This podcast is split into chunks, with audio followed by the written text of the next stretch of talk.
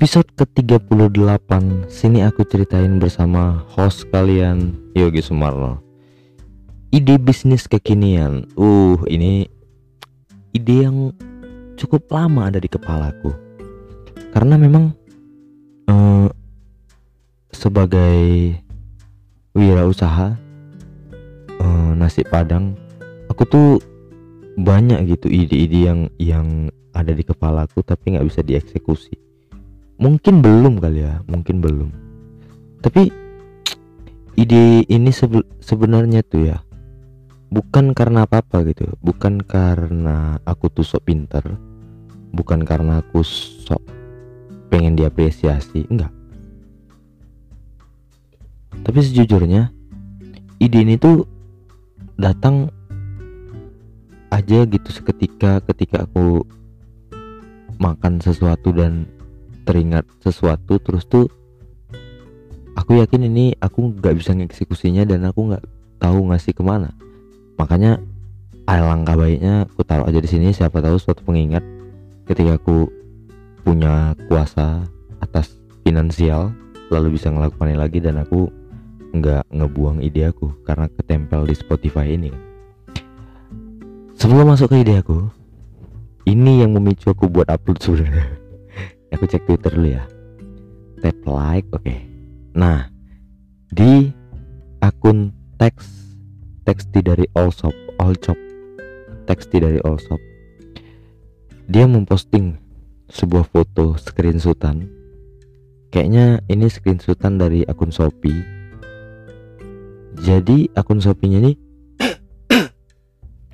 uh, ngejual gambar bagus jadi kayak gambar-gambar anak TK gitu tau gak sih? Yang dua gunung di tengahnya jalan terus tuh diapit di kiri kanannya ada pohon-pohon gak jelas gitu gitu gak sih? Dengan judul gambar bagus harganya 2000 sampai 5000 dia jual laku sampai 1200 lebih. Anjing. Boy ini seribu nih eh, ini dua ribu nih harganya dua ribu. Ya kan? Lakunya seribu. Udah berapa coba? Dua ribu kali seribu. Apa nggak dua juta gitu? Gila coy dua juta cuma modal modal apa doang? Modal buku, uh, buku tulis yang dirobek sama krayon udah. Anjing aduh. Lucu lucu lucu. Oke. Terus itu? Uh, terus itu kan ada juga dari akun teks dari marketing. Nah dia tuh ngirim ini tuh kumpulan poster mind blowing S7 marketing. S7 dong. Warga kalau udah kreatif emang gak ada lawan. Oke sih mak. Jadi ini ada foto kalian ingat nggak sih kalau ada pemilu terus tuh ada foto caleg? Ingat gak sih? Ada banner banner caleg gitu ada uh, banner gitu terus tuh warnanya sesuai partai terus tuh ada di sebelah kanannya ada daftar nama-nama caleg gitu kan. Tapi nama calegnya cuma satu dua tiga terus tuh misalnya tiga nama dia nama dia aja gitu. Terus tuh di di bawahnya ada nama dia di tengah-tengahnya ada foto dia gitu gitulah terus ada kutipan-kutipan uh, uh, apa namanya tagline-nya lah gitu ya kan. Nah ini semirip itu. Terus itu dia bikin uh, logonya logo dagangan dia. Terus tuh dia tulis di sini tagline-nya saya saya tidak nyalek tapi jualan ikan. Saya tidak nyalek tapi saya jualan ikan. Jadi itu eh, monggo dipilih. Terus tuh daftar-daftar nama calegnya diganti. Satu nila dua lele gurame jambal bla bla bla segala macam program meningkat gizi meningkatkan gizi dari protein ikan. Warung ikan segar Sri Wahyuni nomor 8 anjing kayak caleg bener-bener kayak caleg. Terus ini nomor dua nih ada nih. Ada banner gitu kan banner yang di dipajang di pinggir jalan gitu dia bilang gini kayak pengumuman gitu. Dicari uang hilang sepuluh ribu bila anda menem bila menemukan akan mendapatkan imbalan satu porsi indomie goreng mangkok pangsit. Aja hubungi dapur, dapur Sunda. Ini keren sih. Kayaknya nih aku bakal ambil juga. Ini nggak ada IP-nya kan? Nggak ada hakinya kan? Kayak bisa nih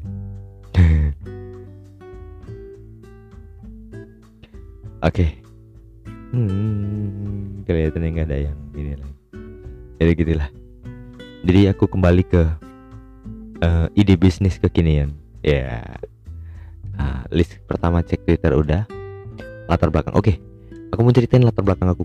Latar belakangku nih sebenarnya dulu tuh aku uh, uh, kerja jadi pengrajin sepatu. Dan setelah menikah aku buka usaha jualan nasi gitu nasi padang ya gede nasi gitu warung-warung aja. Dengan omset yang cukup untuk hidup uh, pas gitu nggak terlalu uh, kaya juga nggak terlalu susah. Ya apa ya bisa dibilang miskin lah. Ya maksud aku cukup cukup lah. Uh, selagi disyukurin ya cukup lah. Jadi ini berawal dari ide-ide aku yang terhambat karena maybe uh, karena ini awalnya usaha istri ya. Jadi tuh sepenuhnya dari pengaturan menu dan uang itu diatur oleh istri. Jadi aku hanya sekedar bapak-bapak rumah tangga yang bantu-bantuin usaha istri sih sebenarnya. Nah yang pertama tuh burger. Mungkin kalian ah lah burger doang. Tapi gini pertama kali aku makan aku tuh edik kali sama roti-rotian ya. Baik itu burger baik itu roti manis roti coklat roti bakar sandwich itu aku edik setengah mati. Bahkan satu hari aku kayaknya harus makan produk yang jenisnya roti-rotian gitu apa pun itu ya. Jadi burger ini salah satu produk yang aku suka kali. Ya nggak burger nih nggak pernah gagal bikin aku jatuh cinta gitu. Nah kalian pernah kan makan burger-burger pinggir jalan yang kayak kayak sepuluh ribu gitu? Pernah kan? Yang yang isinya tuh telur dadar ada timun ada selada ada tomat dan dikasih mayones dan saus ala kadarnya gitu. Uh, rotinya juga roti yang ya udahlah roti aja gitu nggak roti yang spesial kayak McD gitu nggak. Tapi menurut aku sih burger pinggir jalan sepuluh ribu itu lebih enak daripada burger McD itu aku ya. Ya kalau kalian menurut kalian lebih enak ya itu selera masing-masing. Tapi di Medan ya se se se, se khususnya di Medan burger itu nggak ada jualan pagi. Benar nggak sih? Jadi aku kepikiran tiba-tiba karena aku tuh pagi-pagi tuh nggak bisa makan nasi aku harus makan roti atau apa gitu tahu gorengan gitu jadi aku tiba-tiba kepikiran gimana kalau ada sarapan pagi nih sarapan pagi di Medan kan cuma ada lontong nasi gurih, nasi goreng dan mie balap. Gak ada yang lain. Sama bubur, bubur Jakarta gitu-gitu lah. Gak ada yang lain, cuman itu doang. Gimana kalau ada makanan baru pagi-pagi gitu? Yaitu burger. Aku dulu desainnya tuh udah aku desain tuh. Uh, gerobaknya kayak apa, tata mejanya kayak apa, terus itu namanya apa. Aku pengen buat tuh namanya sarapan sarapan orang barat gitu sarapan orang bule atau sarapan orang barat atau sarapan orang Jerman gitu gitulah ya jadi itu menunya hamburger burger sandwich dan roti bakar. Baik itu roti bakar keju dan coklat aja atau selai strawberry nah baru minumannya jus jeruk sama kopi hitam. Udah itu aja. Itu aja udah. Terus tapi tempatnya yang bagus lah tempatnya yang kayak pinggir jalan tapi modern gitu uh, secara mm, cat catnya gitu kan. Ya bagus gimana gimana gimana warung pinggir jalan bazar-bazar orang bule itu kalau ada di festival gitu gitu. Kalau bisa pakai food truck lebih bagus gitu. Terus tuh ada meja-meja yang ditaruh di situ sama kursi gitu-gitu. Lebih simple dan lebih baru gitu nggak ada saingan kan. Nah itu kalau kalian mau ambil ya boleh sih. Ambil aja nggak apa-apa. Suat jika suatu saat aku nanti lewat jalan-jalan di Medan ada sarapan ke barat-baratan dan aku hampirin nanti paling aku bilang kemarin dengerin podcast Spotify sini aku ceritain ya. Ah kalau bisa tuh buatlah sarapan ke barat-baratan kecil aja di bawah. Uh, by sini aku ceritain gitu dah aku cukup bangga sih. Terus itu yang kedua tuh futsal gitu. Nah ini ini tuh sebenarnya cita-citaku ketika aku udah finansial aku udah sangat bagus udah sangat solid aku bakal bikin futsal ini gitu. Jadi tuh aku udah ngebayangin nih aku cerita sambil muram ya. Sambil ngebayangin bagaimana bentuk bisnisnya gitu. Ada futsal kiri kanan uh, uh, ada area besar cukup besar untuk muat tiga lapangan futsal. Jadi aku akan buat dua lapangan futsal di kiri dan di kanan. Di tengah akan aku buat kafetaria. Ada panggungnya di tengah-tengah itu di ujung di, uh, pokoknya di tengah-tengah itu ada panggung. Jadi itu ada kafetaria untuk jual jus dan burger-burgeran mungkin roti bakar uh, kopi-kopian gitu. Terus tuh ada panggung untuk band uh, jadi bakal buat kayaknya Sabtu Minggu tuh live akustikan atau live band uh, terus itu mungkin Jumat dibikin open mic stand up comedian untuk stand up Indo Medan. Pengennya gitu sih gratis aja gitu untuk mereka. Uh, lalu parkir uh, di di depan cukup luas untuk sepeda motor dan mobil. Uh, futsalnya juga rumput sintetis. Setiap yang bertanding dikasih pinjam rompi dua warna. Uh, terus itu di, di di pinggiran di pinggiran lapangan futsal itu ada mini tribun untuk yang nunggu di pinggiran lapangan futsal sebelah sebelah uh, batas kafe ya. Jadi kafe kan di tengah tadi kan kafetaria di tengah terus tuh di diapit sama tri, mini tribun futsal tadi. Jadi itu tiap Agustus akan ada turnamen yang finalnya di 17 Agustus. Jadi di 17 Agustus ketika final sebelum pertandingan final akan ada lomba-lomba kayak makan kerupuk dan lomba-lomba tradisional lainnya sebagai hiburan sebelum final berlangsung. Anjing seru kan kayak kayak kayak kayak closing seremonial gitu, gitu. ya gitu gitu ya gitu mungkin detailnya bisa kita bicarain bareng-bareng. Kalau ada investor yang mau biayain ide itu gitu. Terus itu kaos gitu. Oke kita tinggalin futsal tadi. Kita masuk ke ide baru. Aku tuh suka pakai kaos dengan tulisan-tulisan nyeleneh gitu.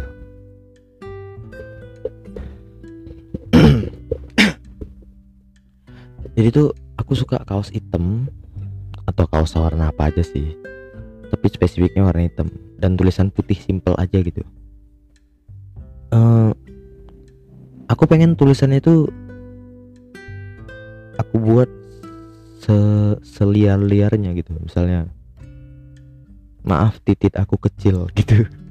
Titit itu kan nggak frontal ya. Tapi titit itu bahasa kotor yang dihaluskan di zaman sekarang aja.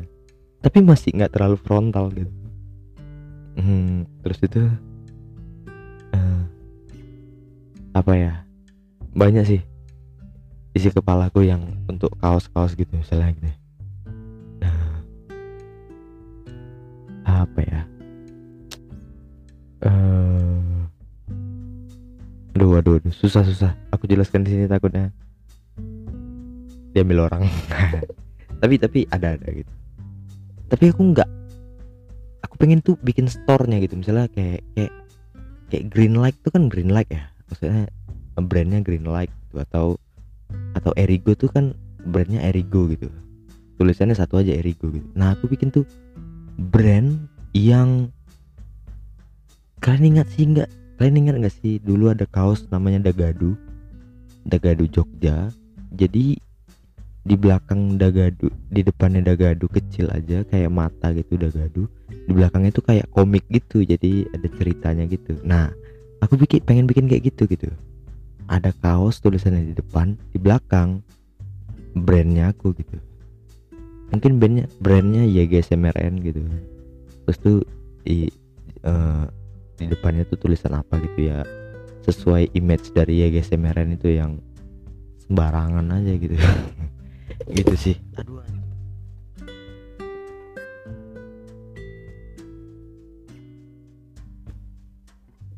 cek cek. Apa yang lepas ya? Nggak ada yang lepas kan? Oke lanjut ya. Nah. Yang berikutnya tuh mari kita tinggalkan kaos-kaosan tadi. Berikutnya tuh usaha yang sekarang ku jalanin tuh kan rumah makan padang kan? Jadi aku tuh pengen kali. Bikin rumah makan padang tapi kayak kayak apa ya? Sekelas McD gitu. Ngerti gak sih? Jadi sekelas McD gitu nggak nggak usah ya uh, apa ya? Sistemnya baru aja gitu. Misalnya nih aku belum pernah nemuin rumah makan padang yang lesehan nggak sekelas McD sih. Tapi maksud aku sekelas McD tapi bukan kayak McD tapi sekelas McD besarnya gitu. Karena saking terkenalnya gitu. Rumah makan padang tuh nggak ada yang lesehan rasaku jadi aku pengen buat yang gitu kan besar. Eh tapi simpang tiga ada sih. Lesehan gitu. Bahkan lebih keren sih simpang tiga. Enggak tapi aku bikin sistemnya tuh baru gitu. Bahkan hmm, desain desainnya tuh lebih selfish gitu lebih lebih lebih fotogenik gitu lebih bagus-bagus untuk foto-foto orang gitu. Aku pengen bikin gitu sih. Tapi itu su su susah untuk dideskripsiin sih. Mungkin aku belum nemu gitu kata-katanya untuk dideskripsiin gitu. Uh, Nah, buat kalian yang yang punya uang banyak tapi males repot gitu. Tapi nggak ada sih usaha yang nggak nggak repot. Semua usaha tuh repot menurut aku. Tapi buat kalian yang banyak punya banyak uang dan nggak mau ngolah apa-apa, pengen beli beli barang dan jual aja, tapi nggak mau ba ada banyak barang di rumah, kalian bisa buka usaha loket pembayaran. Loket pembayaran apa aja? uh, kredit apa aja cuman modal komputer PC dan printer uh, pembayaran gitu kan yang untuk stroke pembayaran. Terus tuh kalian buka deh tuh bayar listrik bayar air bayar Shopee Pay Grab OVO GoPay. Di situ semuanya bayar kredit bayar bayar semuanya. Bahkan untuk ngirim uang juga bisa. Bahkan kalau kalau kalian sempat bisa jual voucher internet di situ-situ semuanya. Nah itu itu bagus sih. Nggak mungkin nggak mungkin nggak laku menurut aku ya. Asal adminnya jangan terlalu besar tuh. Di awal-awal ambil sedikit aja. Nanti naikkan pelan-pelan dan normalkan pelan-pelan. Ketika loketnya udah mulai bersinar gitu. Itu aja dari aku ya. Sampai jumpa di episode selanjutnya. Jadi kalau kalian nemu uh, eh kalau kalian dapat inspirasi dari podcast ini bisa kali kalian DM di Instagram @yogi titik sumarno. Bye